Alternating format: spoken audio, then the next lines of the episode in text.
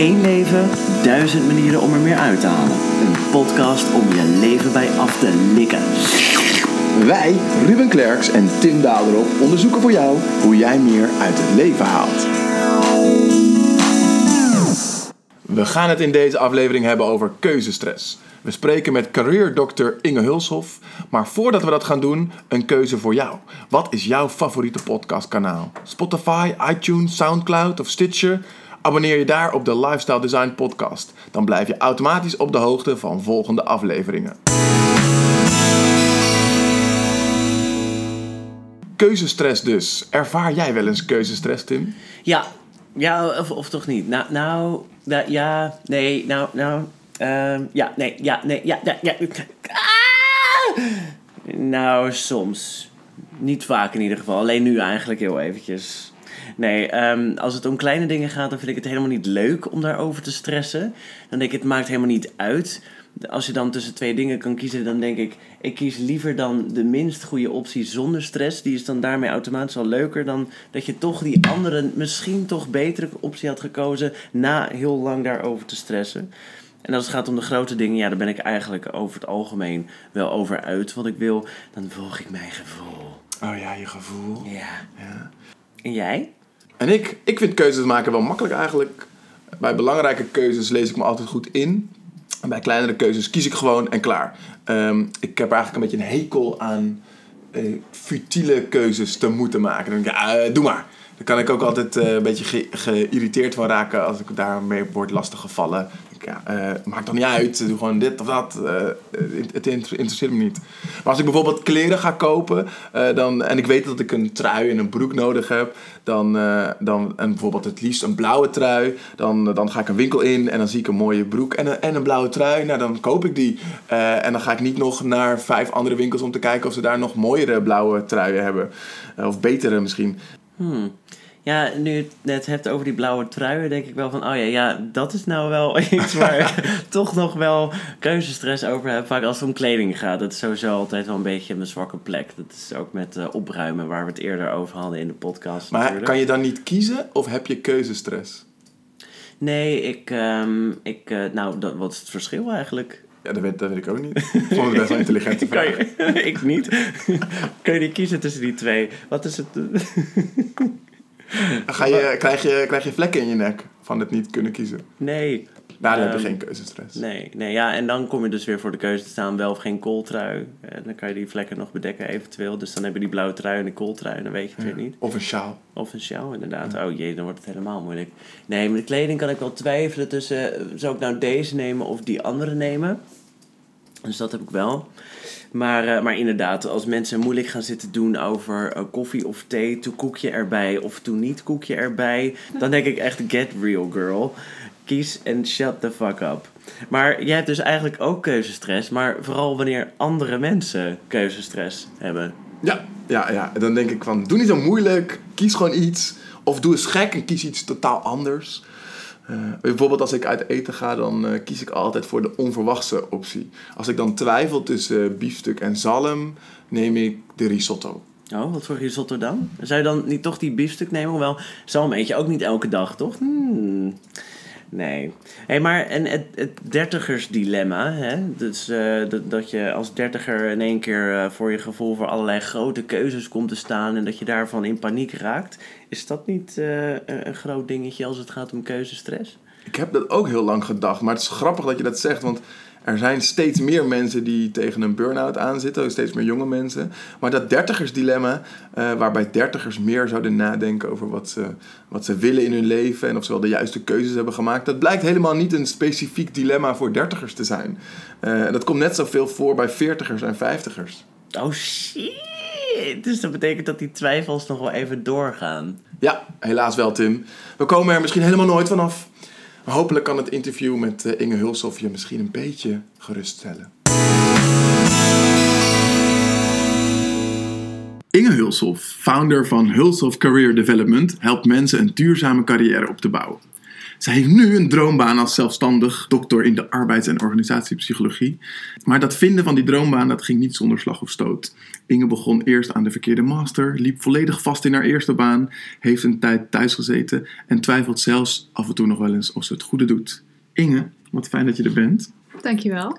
Je werkt evidence-based op basis van de positieve psychologie. Mhm. Eh, hoe kijk je vanuit die bril naar keuzestress? Ehm, nou, ik, ik baseer me dus graag op wetenschappelijke eh, inzichten. Dus dingen die onderzocht zijn en bewezen effectief zijn gebleken.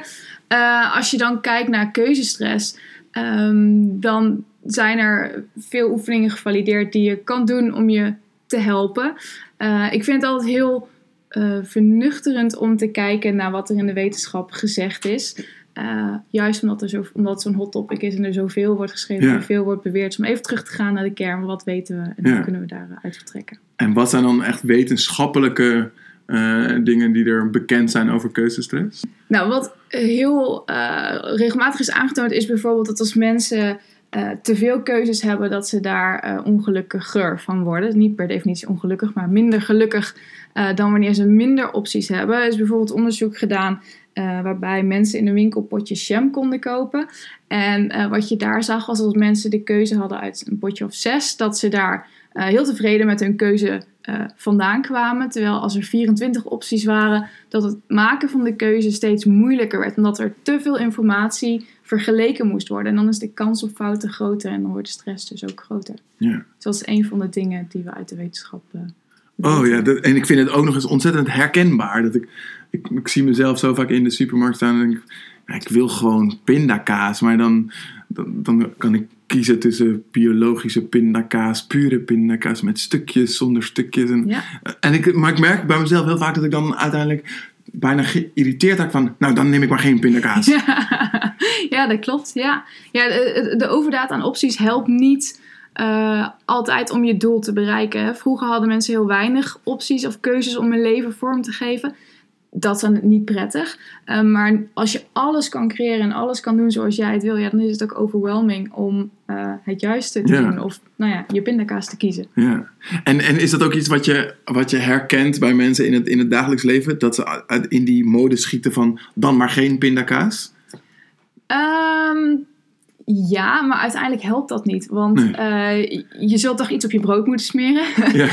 Nee, maar als je, als je kijkt naar eh, hoe kan je de volgende stap in je leven zetten. eh, je, je, gaat een opleiding doen en daarin moet je dus een keuze maken. Je wil graag aan het werk en daarin moet je gericht kijken wat kan ik, wat wil ik. Dus ja, er is een soort tendens om te denken van laat maar. Maar uiteindelijk kan je er niet omheen. Je zult toch een stap moeten zetten om verder te komen. Eigenlijk ontzettend veel mensen ervaren keuzestress. Eh, volgens mij stijgt het burn-out gehalte onder jonge mensen alleen maar. Ja. Ehm, hoe komt het eigenlijk, denk je, dat zoveel mensen keuzestress ervaren? Is dat alleen maar die veelheid aan, aan keuzes? Of? Nee, het is ook bijvoorbeeld een stukje imago waar we het net al over hadden. Ehm, social media doet daarin heel erg veel. Eh, als je kijkt naar de tijdlijn van anderen, dan is het één grote regen aan succes. Terwijl je eh, bij jezelf ook de ups en de downs ziet. Maar we zijn geneigd die vooral niet te delen op social media. Dus alles is heel erg succes gerelateerd. Ehm, en er is een enorme prestatiemaatschappij die heel erg bijdraagt aan dit geheel. Ehm, daar waar je vroeger gewoon netjes kon studeren en het in, in vijf jaar, vier jaar af kon ronden met een zeventje en je daarna eh, makkelijk aan de bak kwam, die tijd is voorbij. Je moet uitblinken in alles. Dus je moet goede cijfers halen, maar je moet daarnaast bestuurservaring opdoen. Je moet naar het buitenland. Je moet interessante stages lopen. Beter doe je ook nog een beetje vrijwilligerswerk. Of je wil een goede vriend of vriendin zijn. Je, je, je wil je sociale contacten onderhouden. Je wil sporten. Nou, ik lepel zo al acht, negen dingen Ja. op die je allemaal tegelijk moet doen. En het liefst zo goed mogelijk op alle vlakken. En dat kan niet. Nee. En daar zijn we in doorgeslagen als maatschappij. Ja, want, want, hè, want eh, dat is iets wat ik wel vaker hoor. Eh, je noemt ook eh, social media, wat daar dan aan eh, bijdraagt. En je noemt de prestatiemaatschappij. Maar het zijn eigenlijk allemaal gegevens. Hè? Dus ik, ik, ik heb het idee dat we, dat we daar niet echt meer iets aan kunnen doen. Ja, je kan zeggen, je moet minder op social media. Maar wat zouden we er wel aan kunnen doen om, om in die prestatiemaatschappij ja, op zo'n manier te handelen dat je, dat je ook ontspannen door het leven kan? Ehm, ik denk door niet te veel tegelijk te willen. Dus door voor jezelf heel helder voor ogen te hebben van wat vind ik belangrijk in het leven. En wat ik zelf mezelf altijd voorhoud van oké, als, ik, als ik morgen doodga, ben ik dan gelukkig met de dingen die ik vandaag doe? En zolang het antwoord daar ja op is, dan is het voor mij goed. Ehm, dus ja, definieer voor jezelf een aantal dingen die voor jou belangrijk zijn. En dat kan zijn je familie, een leuke baan, maar wel gewoon lekker van 9 tot 5. Want daar is ook niet zo heel veel mis mee. Hè? We hebben altijd het gevoel van nou we moeten harder en meer en beter. Nee, een goede werk-privé-balans is ook heel erg prettig. Ehm, misschien wil je juist eh, heel erg fit zijn, maar richt je dan op twee of drie dingen van die acht die ik net opnoemde. Ja. Ehm, en dat betekent dat de rest minder aandacht krijgt. dat betekent dat je niet altijd een goede vriendin zult zijn of een hele goede vriend. Zo so be it. Je kan niet alles. Zolang je er op de belangrijke momenten, de echt belangrijke momenten voor mensen alsnog kan zijn, is het goed genoeg. En uh, accepteren dat goed genoeg oké is, is belangrijk, denk ik. Ja. ja, dus accepteren dat goed genoeg, dat het ook goed is. Ja. Ja, mooi. Ja, we hadden tijdens de voorbereiding ook even over Ehm, en deze podcast heet de Lifestyle Design Podcast. Um, en dus we hebben het heel erg over dat je je leven zelf kan ontwerpen. Maar dat brengt dus ook duidelijk uh, negatieve kanten met zich mee. En jij zei toen zoiets moois van dat we eigenlijk niet zoveel bezig zouden moeten zijn met te proberen ons leven over 15 jaar of over 20 jaar te ontwerpen. Ja, nee, we zijn heel erg geneigd om te denken van als ik nu deze studie kies, dan zit ik daar voor de rest van mijn leven aan vast. En als ik nu niet de goede baan vind, nou, dan kom ik nooit meer ergens. En dat is natuurlijk uiteindelijk de grootste onzin. Je kan je omscholen, je kan een andere baan zoeken. Dus we doen daar veel, we maken dat groter dan dat het is. We doen daar niet per se te moeilijk over, we maken het groter dan dat het is. Ehm, en uh, door te kijken van is dit op dit moment voor mij de goede keuze, maak je de keuze veel kleiner dan is dit de keuze die de rest van mijn leven gaat bepalen. Dus ik vind het zelf altijd heel belangrijk dat de situatie op dit moment goed voelt. En de rest kan je niet overzien. Ja. En dat komt en dan kan je bijsturen. Er zijn uiteindelijk altijd meerdere wegen die naar Rome leiden. Ja, goeie, ja. Dus hoe kunnen we zorgen dat het op dit moment goed voelt? Ja. En heb je nog tips of oefeningen die mensen kunnen doen als ze hiermee willen oefenen? Want hè, gewoon maar zeggen, van, dan moet je maar minder dingen kiezen of uh, alleen datgene doen wat op dit moment juist voelt. Maar, maar hoe kunnen we dat doen? Een van de, van de boeken die ik heel erg leuk vind als het gaat over um, keuzestress, dan is het Ontwerp je eigen leven. Die is van Burnett en Evans. En daar zitten een aantal hele praktische uh, opdrachten in. En een van die opdrachten is om, te, om eigenlijk drie of vier verschillende tijdlijnen voor jezelf te maken. Van wat als ik deze keuze maak, hoe ziet mijn leven er dan de komende twee, tweeënhalf jaar uit? Hoe, wat ga ik dan doen? Welke stappen kan ik dan zetten? En door dat voor jezelf uit te schrijven, door het helemaal te tekenen als het ware, van oké, ik neem deze baan, wat gebeurt er dan? Uh, en als ik deze baan niet neem, wat gebeurt er dan? Kan je de verschillen voor jezelf een beetje inzichtelijk maken? En het is natuurlijk geen 100% waarheid, maar het geeft in ieder geval een idee Mm. waar je naartoe kan. Dus dat is Cool. een van de opdrachten die je zou kunnen doen. Oh, leuke. Het is eigenlijk meer een soort van eh, visualiseren. van- Ja, van en- en-. Uiteindelijk ook niet te moeilijk doen over de keuze die je maakt.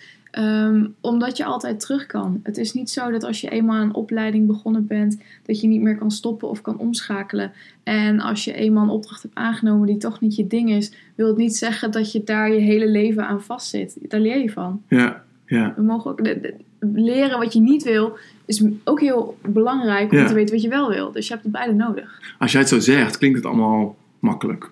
Ja. Ehm, maar ik hoor er ook tegelijkertijd iets, iets in ehm, dat mensen het niet doen omdat dat misschien een soort van voelt als falen. Hè? Dus natuurlijk, het is eh, feitelijk heel makkelijk om terug te komen op je, op je keuze. Maar ik heb het idee dat, dat mensen het heel vaak uiteindelijk toch niet doen, omdat ze dan iets proberen in stand te houden.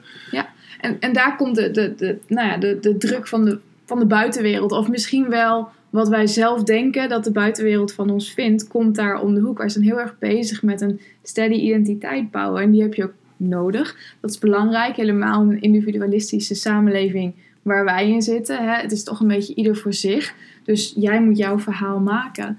Ehm, en dan is onderuit gaan of op je bek gaan, is eng. Ja, Want andere mensen zullen daar misschien wel iets van vinden, hebben daar een mening over. Eh, en ja, dat maakt het spannend. Eh, maar tegelijkertijd denk ik ook, ja, mensen hebben toch wel een mening, wat je ook doet. Ehm, Ze zijn het of met je eens of niet met je eens. En eh, mensen vinden toch wel iets en tegelijkertijd iedereen is met zichzelf bezig. Dus mensen zijn ook je heel snel weer vergeten Ja. wat dat betreft. Dus laat je daar niet door tegenhouden. Want het zou zo zonde zijn als je straks terugkijkt en denkt: shit, ik heb het niet gedaan omdat ik mezelf probeerde goed te houden of mijn imago hoog te houden. Ja, wat heb je te verliezen? Niks. Persoonlijk eh, ben ik ooit erg geraakt door een uitspraak eh, die ik hoorde, die ook ging over het maken van keuzes. Ik weet de exacte uitspraak niet meer, maar het kwam erop neer dat je juist in je dagelijks leven zo min mogelijk keuzes zou moeten maken, zodat je je aandacht en energie kan eh, bewaren voor de echt belangrijke eh, eh, keuzes. En, en wat ze zeiden was dat je eigenlijk al die kleine keuzes, zoals wat voor kleren je vandaag aan gaat doen, wat voor beleg je op je boterham gaat doen vandaag, dat, je, dat je die zou moeten uitbannen door een soort van systeem te maken van routines en gewoontes, zodat je er niet meer over na hoeft te denken. Geloof jij in zo'n systeem? Het is denk ik een efficiënte manier. Weet je, we maken per dag heel veel ook onbewuste keuzes. Dus hoe minder je erover na hoeft te denken, hoe meer ruimte je over hebt om na te denken over de grote dingen.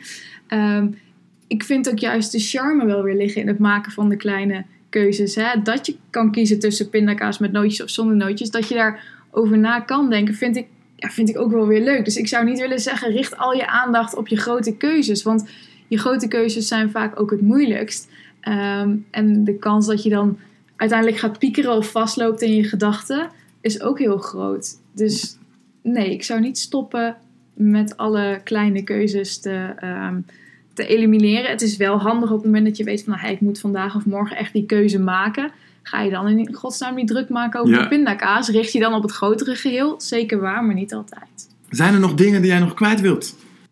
Ja, ik, ik, ik denk dat het heel belangrijk is om, eh, dat klinkt heel cliché, maar om je hart te volgen. Eh, en ook niet bang zijn om een keuze te maken die afwijkt van eh, het standaard patroon. Dankjewel Inge. Wil je meer weten over keuzestress en leren hoe je daarmee om kunt gaan? Kijk dan op lifestyledesignpodcast.nl. Daar heeft Inge nog een paar mooie boekentips voor ons achtergelaten. En daar kun je ook een reactie achterlaten op deze aflevering. Heb jij wel eens keuzestress en hoe ga je daar dan mee om? We zijn benieuwd naar jouw ervaringen. Volgende week gaan we het hebben over wat er kan gebeuren als die stress je te veel wordt. Ja, dan spreek ik met ervaringsdeskundige Kirsten Nelis over burn-out. Doei, tot volgende week. Oh, en vergeet je niet te abonneren. Doen! Doei!